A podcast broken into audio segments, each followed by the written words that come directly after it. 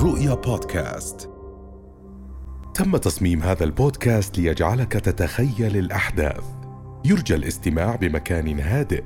يتيح لك المجال أن تستمتع بتقنية ثلاثية الأبعاد. هل أنت جاهز؟ فلنبدأ الرحلة.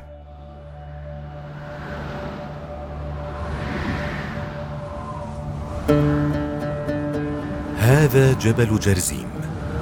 الذي كان مهدا للكثير من الأحداث الدينية والتاريخية وحجارته العتيقة التي تطل على مدينة نابلس الفلسطينية تشهد على ذلك.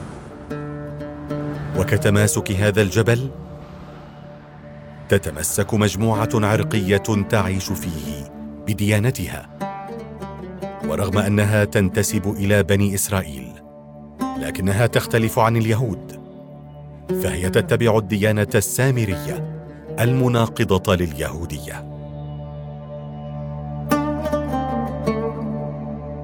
أولئك هم السامريون الذين يعتبرون أنفسهم جزءا اصيلا من الشعب الفلسطيني ويرفضون نعتهم باليهود. فرغم اعتمادهم على التوراة شأنهم شأن اليهود لكنهم يعتبرون توراتهم هي الأصح وغير المحرفة. وان ديانتهم هي ديانة بني إسرائيل الحقيقية. ويعتقد أفرادها أنهم السلالة الحقيقية لشعب بني إسرائيل. وكما أن لهم توراتهم الخاصة فإن لهم لغتهم الخاصة أيضا التي تسمى اللغة السامرية وهي اللغة العبرية القديمة التي تختلف عن اللغة العبرية الحالية وتعتبر أقدم لغات العالم أجمع. وتتألف من 22 حرفا. كل حرف منها يشبه أحد أعضاء جسم الإنسان.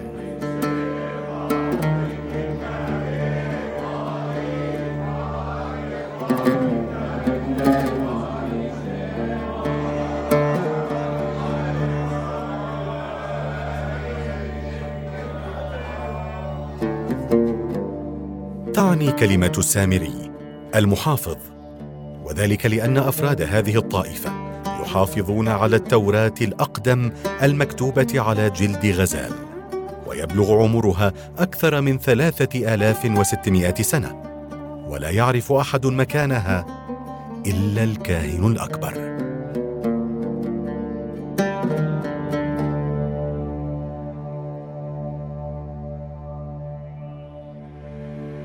استقر السامريون في فلسطين عقب خروجهم من مصر وبعد التيه الذي عاشوه أربعين عاما في صحراء سيناء وهم يستذكرون ذلك من خلال عيد الفسح الذي يحتفلون فيه بذكرى خروج بني إسرائيل من مصر وتحررهم من عبودية فرعونها.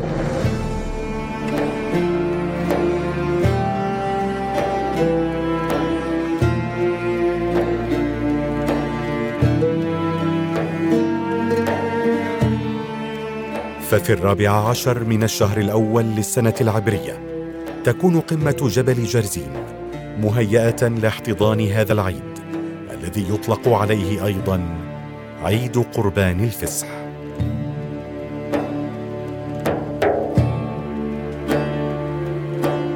الكل يحضر عيد الفسح والكل يجد من يقوده للتواجد فيه. والكبار يتابعون بعين ترتيبات هذا العيد. فيما تنشغل العين الأخرى باستقبال الحاضرين من غير السامريين الذين جاءوا لمشاهدة احتفالات أصغر طائفة دينية في العالم بعيدها حيث يبلغ عدد السامريين حوالي 800 شخص.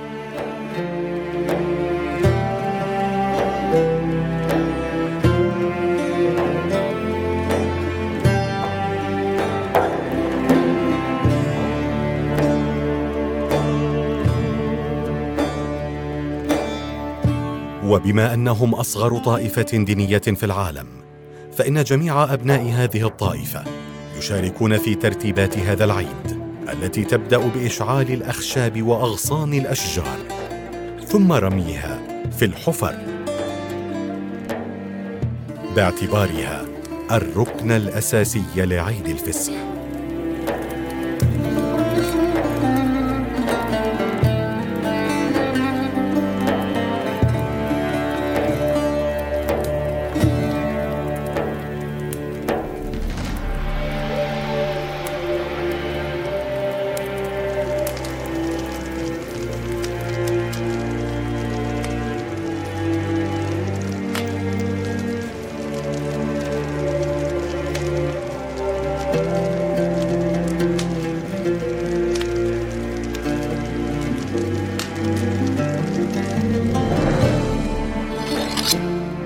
إضافة إلى الأضاحي التي تعتبر الركن الأساسي الآخر وها قد وصلت للمكان الذي ستذبح فيه قربانا لله.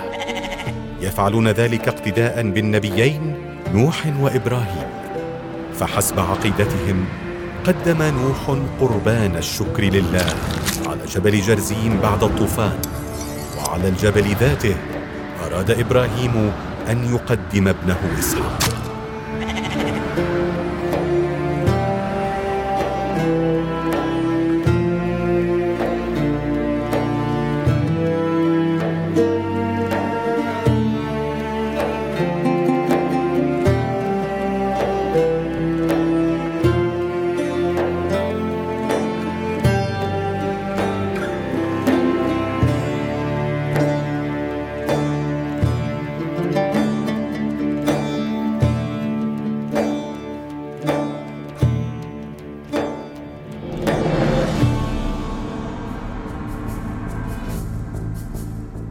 في هذا المذبح. يتواجد السامريون جميعا بلباسهم الأبيض الموحد باعتباره لون النقاء وحتى يكونون متساوين في هيئتهم. ينصتون باهتمام لتوجيهات رجال الدين الذين يتفقدون سير العمل اولا بأول. ويتفقدون الأضاحي التي يبلغ عددها خمسا وخمسين وفق التقاليد التوراتية. بينما يجلس كبار رجال الدين منتظرين الكاهن الأكبر يحضرون كل شيء قبل تواجده.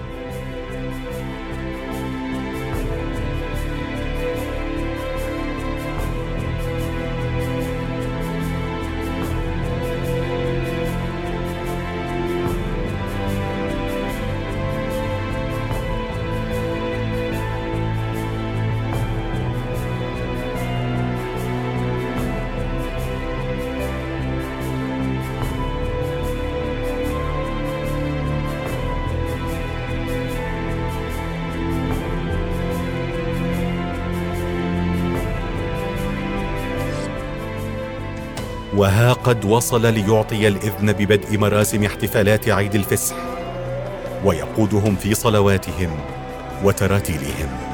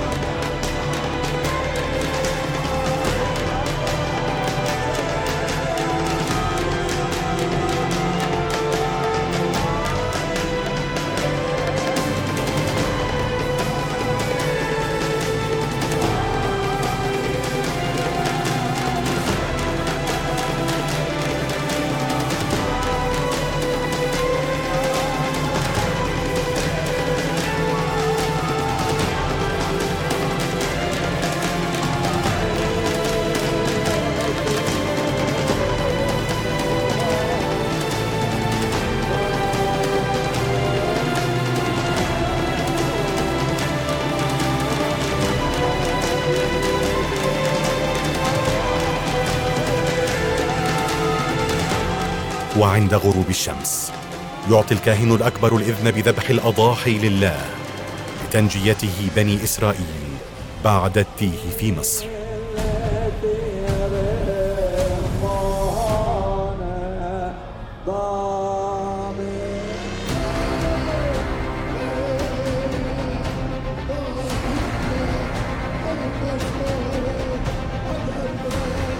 يبدأون الذبح في وقت موحد.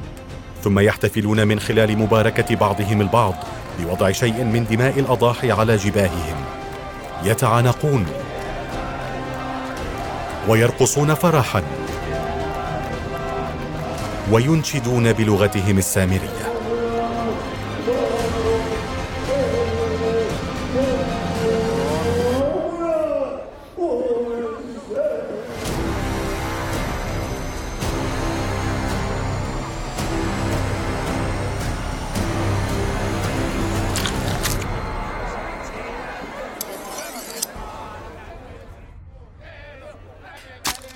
انتهت مهمة الذبح.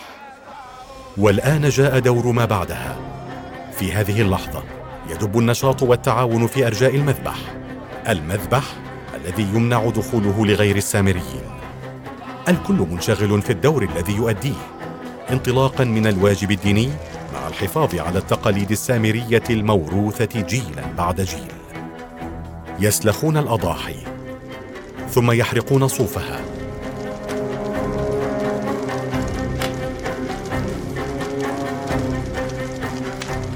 ويتخلصون من أحشائها عن طريق وضعها في موقد كبير تمهيدا لحرقها.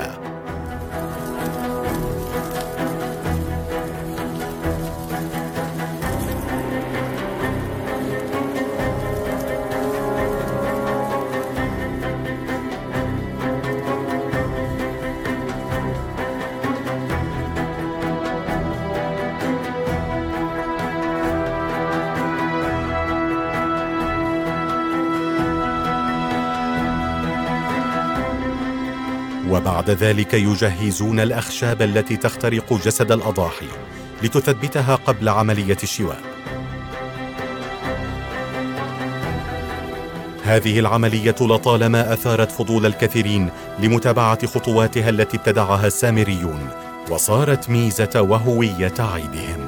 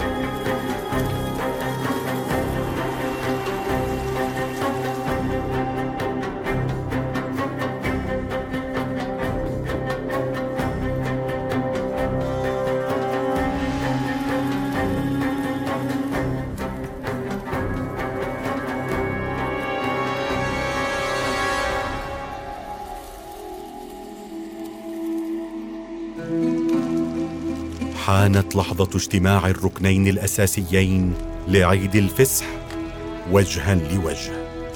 إنهما الحفر الخمس والأضاحي الخمس والخمسون. وجميع أبناء الطائفة السامرية يلتفون حول الحفر بينما يمسكون الأخشاب التي تحمل الأضاحي بأيديهم.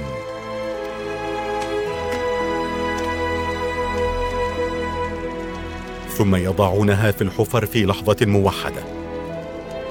فكما خرج أجدادهم من مصر على قدم رجل واحد فإنهم يقدمون القربان على قدم رجل واحد أيضا ثم يقومون بتغطية الحفر بقطع من القماش.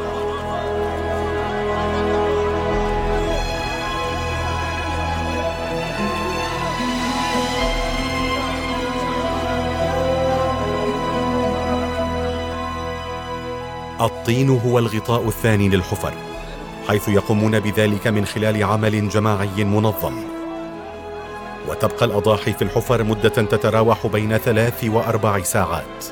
ثم يخرجونها ويأكلونها معا معلنين انتهاء مراسم عيد الفصح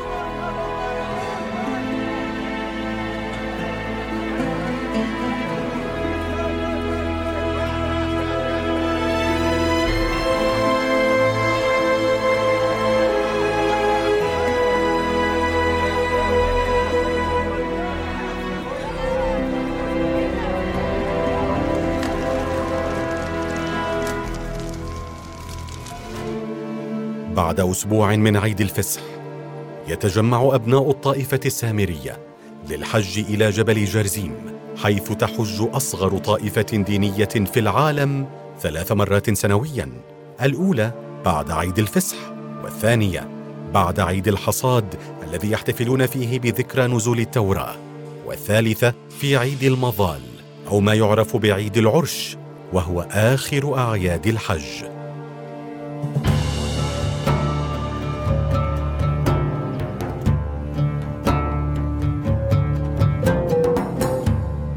أول مراحل الحج عند السامريين. تبدأ بتجمعهم فجرا في الكنيس السامري.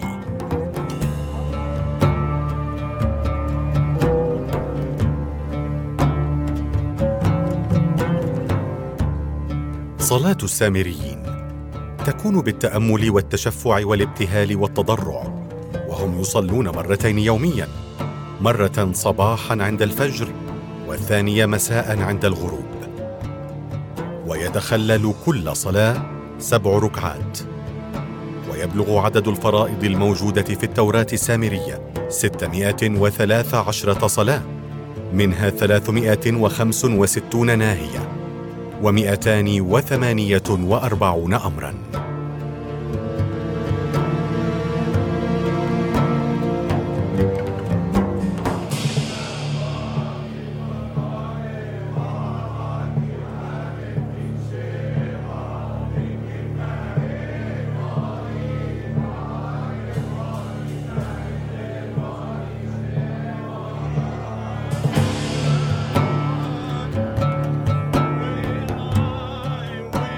وبعد تجمعهم في الكنيس ينطلق السامريون إلى جبل جرزيم مشيا على الأقدام معلنين بدء موسم حجهم.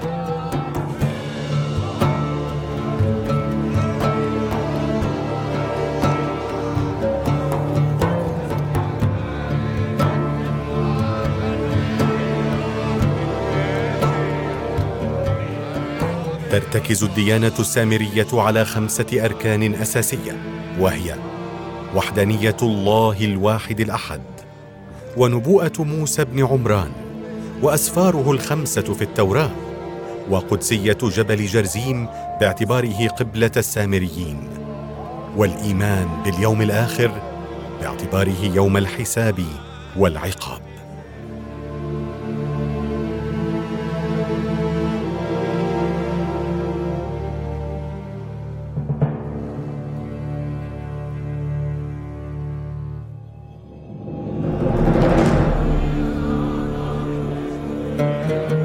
وصل السامريون إلى أعلى قمة جبل جرزيم حيث الأماكن المقدسة بالنسبة لهم خاصة هيكل النبي موسى الذي بناه في سيناء ونقله حسب الرواية السامرية يهوشع بن نون إلى جبل جرزيم. وكذلك مذبح النبي إسحاق حيث نوى والده النبي إبراهيم التضحية به وفق روايتهم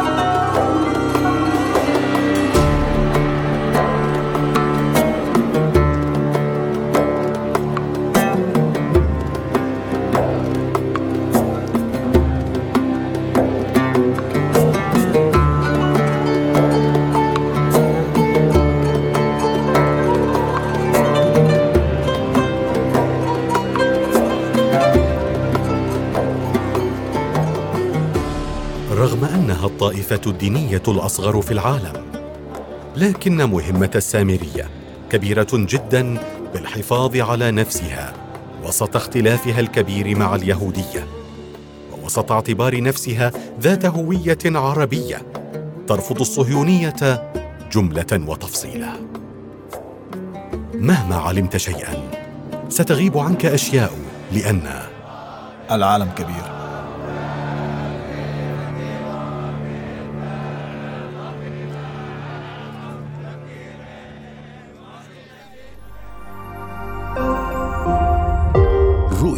رؤيا بودكاست